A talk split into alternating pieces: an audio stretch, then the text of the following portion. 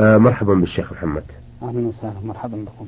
آه فضيلة الشيخ محمد هذه الرسالة وردتنا من الموقع أحمد عبد الله محمد من الرياض. يقول ما حكم متابعة الإمام بالمصحف أثناء قراءته في صلاة التراويح والقيام؟ الحمد لله رب العالمين. المشروع للمأموم أن ينصت لقراءة إمامه لأمر النبي صلى الله عليه وسلم بذلك. وإذا تابع إمامه في في النظر في النظر في المصحف فإذا كان لا شغله عن الإنصات فإنه لا بأس به لما في ذلك من المصلحة. نعم لا سيما إذا كان الإمام كثير الغلط والنسيان. وأما إذا كان يشغله عن الاستماع وربما يتوقف حينما يقع بصره على آية ليتأمل معناها ويكون الإمام قد استمر في قراءته فإن هذا لا ينبغي لأنه يشغله عن الاستماع والإنصات الذي أمر به النبي صلى الله عليه وسلم. نعم نعم. آه أيضا يقول إذا نسي الإنسان أثناء الوضوء ولم يتشهد هل يبطل وضوءه وكذلك إن لم يلتزم بالترتيب التام؟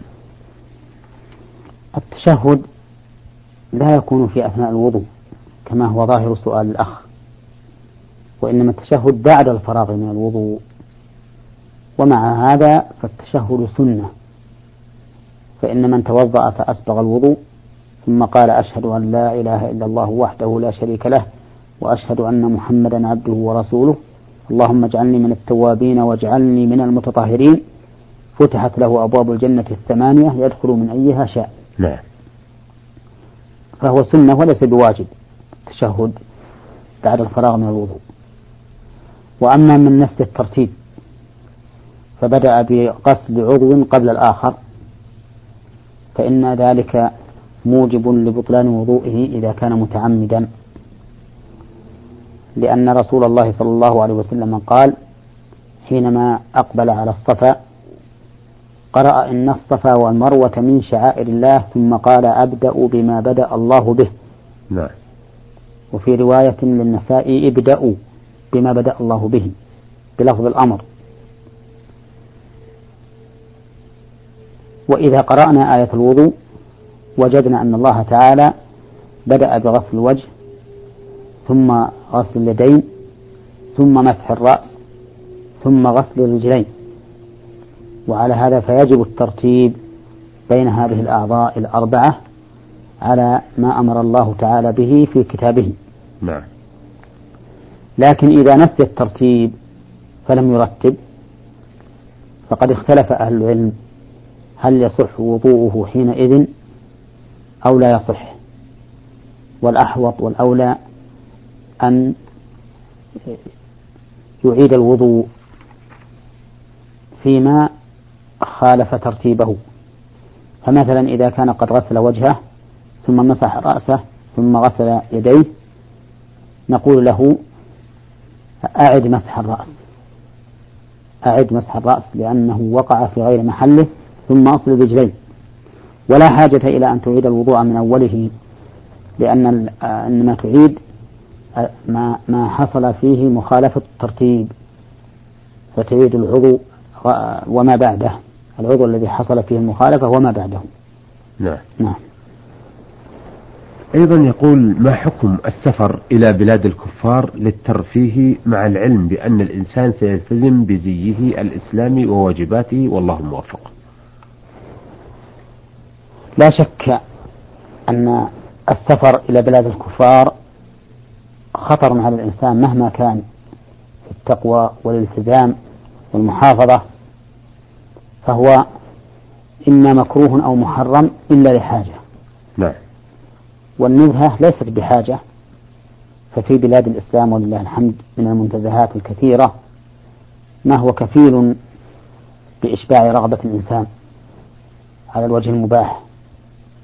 ولا حاجة به إلى بلاد الكفر.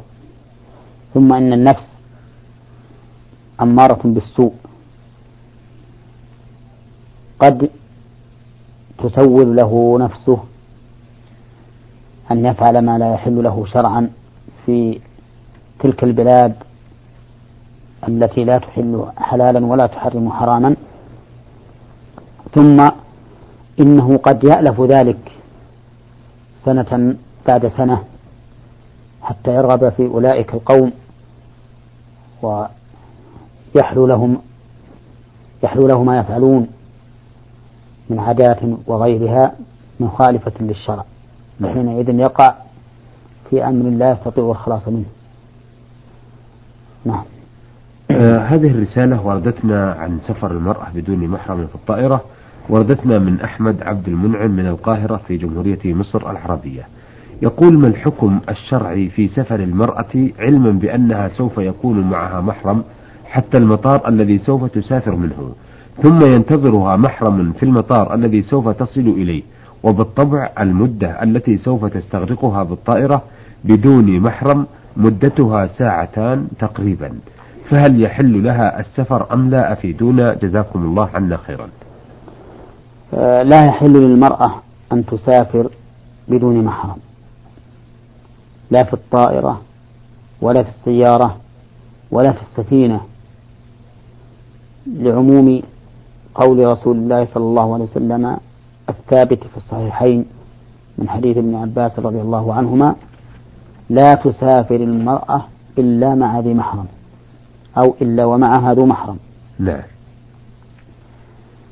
وهذا النهي للتحريم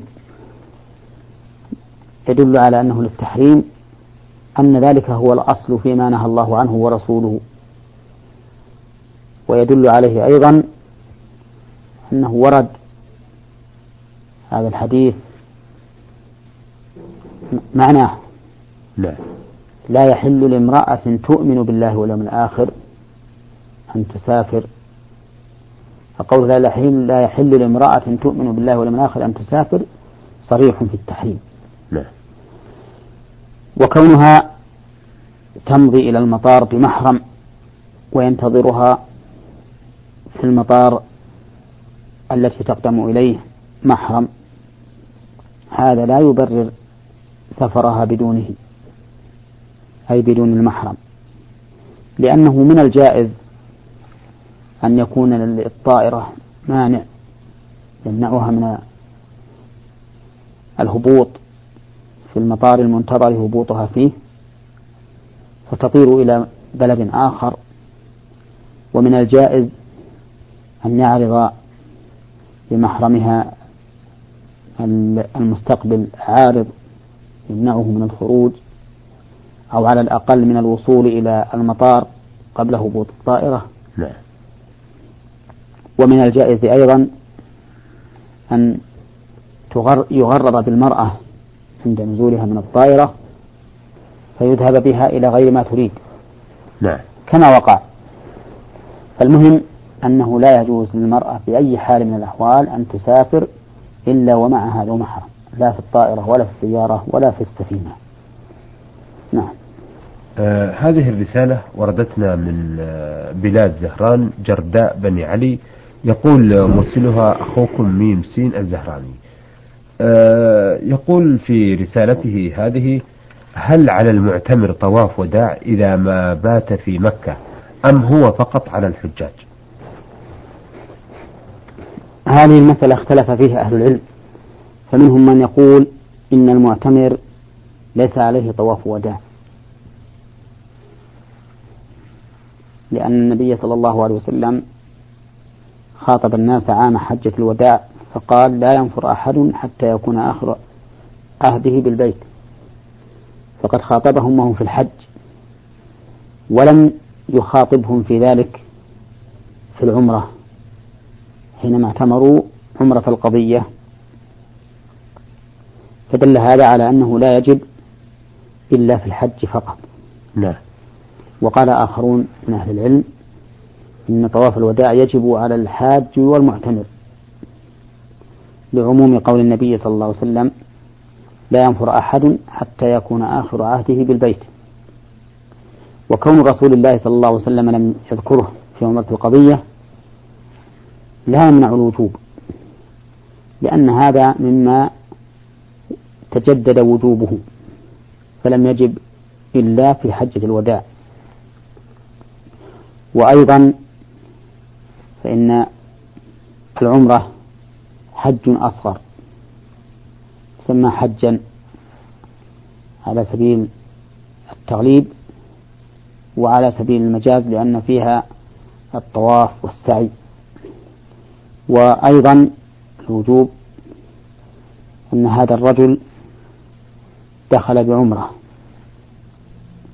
فبدأ بطواف هو تحية القدوم. فينبغي أن يختم بطواف هو طواف الوداع. نعم. وأيضا فقد جعل النبي صلى الله عليه وسلم العمرة بمنزلة الحج في وجوب الإحرام من الميقات لمن قصدها. فكذلك يجب أن تكون مثله مثل الحج عند الخروج. وأيضا فقد روى الترمذي حديثا عن النبي صلى الله عليه وسلم في سنده الحجاج بن أنه أمر من حج أو اعتمر أن لا يخرج حتى يطوف بالبيت. وأيضا فإن الطواف طواف الوداع للعمرة أحوط وأبرأ للذمة. لذلك نرى أنه يجب على المعتمر أن يطوف طواف الوداع نعم. إذا خرج. إلا إذا كان قد خرج فور انتهائه من العمرة. فإنه لا وداع عليه حينئذ. يعني أنه قدم مكة معتمرا فطاف وسعى وحلق أو قصر ثم خرج فورا. فهذا لا يجب عليه الوداع حينئذ لأن الطواف بالبيت قد حصل. وقد ترجم على ذلك البخاري رحمه الله في صحيحه. نعم. آه سؤاله الآخر آه، يقول فيه إنني في قرية آه، وعندما نذهب إلى صلاة المغرب أدخل قبل الوقت وأجلس. وفي مجموعة من الأخوان وعندما أدخل؟ نعم. آه. يقول آه أنا في قرية. نعم. يقول وبعد فإني في قرية بادية وعندما نذهب للصلاة لأنه سيذكر بعض زملائها وبعض رفاقه معه وعندما نذهب لصلاة المغرب أدخل قبل الوقت وأجلس. وما ومجموعة من الإخوان يبقون خارج المسجد ويقولون ما يصح. ندخل المسجد إلا أن نصلي ركعتين والصلاة مكروهة في هذا الوقت. فماذا تنصحونني بالبقاء خارج المسجد؟ مع العلم أن الإخوة الذين خارج المسجد بعيدون كل البعد عن ذكر الله أم أدخل ولا حرج علي في ذلك؟ ننصحك أنت وإخوانا أنت وإخوانك أن تدخلوا المسجد. نعم. ولو بعد العصر. ولو عند غروب الشمس. وأن تصلوا ركعتين تحية المسجد. لا تجلسوا حتى تصلوهما. لأن رسول الله صلى الله عليه وسلم قال إذا دخل أحدكم المسجد فلا يجلس حتى يصلي ركعتين. نعم. وهذا الحديث عام. لم يخص النبي صلى الله عليه وسلم وقتا دون وقت. لم يقل إلا إن دخلتم في الوقت الفلاني أو الوقت الفلاني. وإذا كان النبي عليه الصلاة والسلام قد قطع خطبته ليقول لمن دخل وهو يخطب ثم جلس قم فصل ركعتين فقام فصلى ركعتين مع أن التشاغل عن الخطبة محرم. فإننا نقول أيضا لكل من دخل المسجد في أي زمن لا. وفي أي وقت لا تجلس حتى تصلي ركعتين.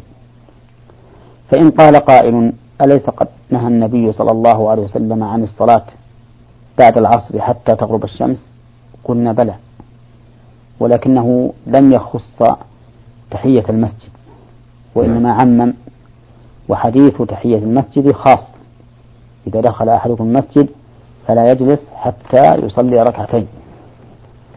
وإن قيل إن بينهما عموم وخصوص وجهي كما هو معروف في أصول الفقه فإننا نقول نعم بينهما عموم وخصوص وجهي لكن خصوص تحية المسجد العام في الوقت أقوى من عموم الصلاة الخاص بوقت النهي. نعم. بدليل أن الأحاديث الواردة في النهي عن الصلاة في أوقات النهي خصصت بعدة أحوال مما يضعف عمومها. وقد قال شيخ الإسلام ابن تيمية رحمه الله كما هو أيضا قاله كما قاله غيره أيضا إن العام المحفوظ الذي لم يدخله التخصيص مقدم على العام المخصوص الذي دخله التخصيص. نعم. ومن المعلوم لأهل العلم أن أحاديث النهي عن عن الصلاة في أوقات النهي قد دخلها تخصيصات متعددة بخلاف الأمر بالصلاة المقرونة بسبب فإنه لم يدخلها تخصيص. نعم. فالصواب آه، نقوله لجميع المستمعين وإن لم يرد في السؤال الصواب أن جميع الصلوات التي لها سبب تفعل في أوقات النهي وليس عنها نهي لأنها صلاة خصصت بسبب معين فتبعد الحكمة من النهي عن الصلاة في الأوقات المعينة. نعم. آه، لديه سؤال آخر وأخير. يقول أرى كثير من الأخوة يلتفتون يمينا وشمالا في الصلاة بصورة غريبة جدا وبعضهم يأتي ثم يكبر قبل أن يقف في الصلاة أن يكبر ثم يمشي بعد بعدة خطوات آه، فماذا تنصحون مثل هؤلاء الأخوة راجيا من الله عز وجل القدير أن يجزيكم عنا خير الجزاء؟ ننصح هؤلاء الأخوة بأن نقول إن النبي صلى الله عليه وسلم حذر من الالتفات في الصلاة فقال إياك والالتفات في الصلاة فإنه هلكة وسئل عن الالتفات في الصلاة فقال هو اختلاس يختلسه الشيطان من صلاة العبد. أي سرقة. نعم. فهل يرضى أحد من الناس أن يسرق عدوه شيئا من عمل هو أفضل أعماله؟ لا لا يرضى أحد بذلك. ولهذا الالتفات في الصلاة مكروه كراهة شديدة وإذا كثر حتى صار عبثا وأخرج الصلاة عن موضوعها أبطل الصلاة. فننصحهم بأن يقوموا لله تعالى قانتين في صلاتهم كما أمرهم الله تبارك وتعالى به في قوله حافظوا على الصلوات والصلاة الوسطى وقوموا لله قانتين. نعم. فهذا هو نصيحتنا لهم من جهة الالتفات في الصلاة. نعم.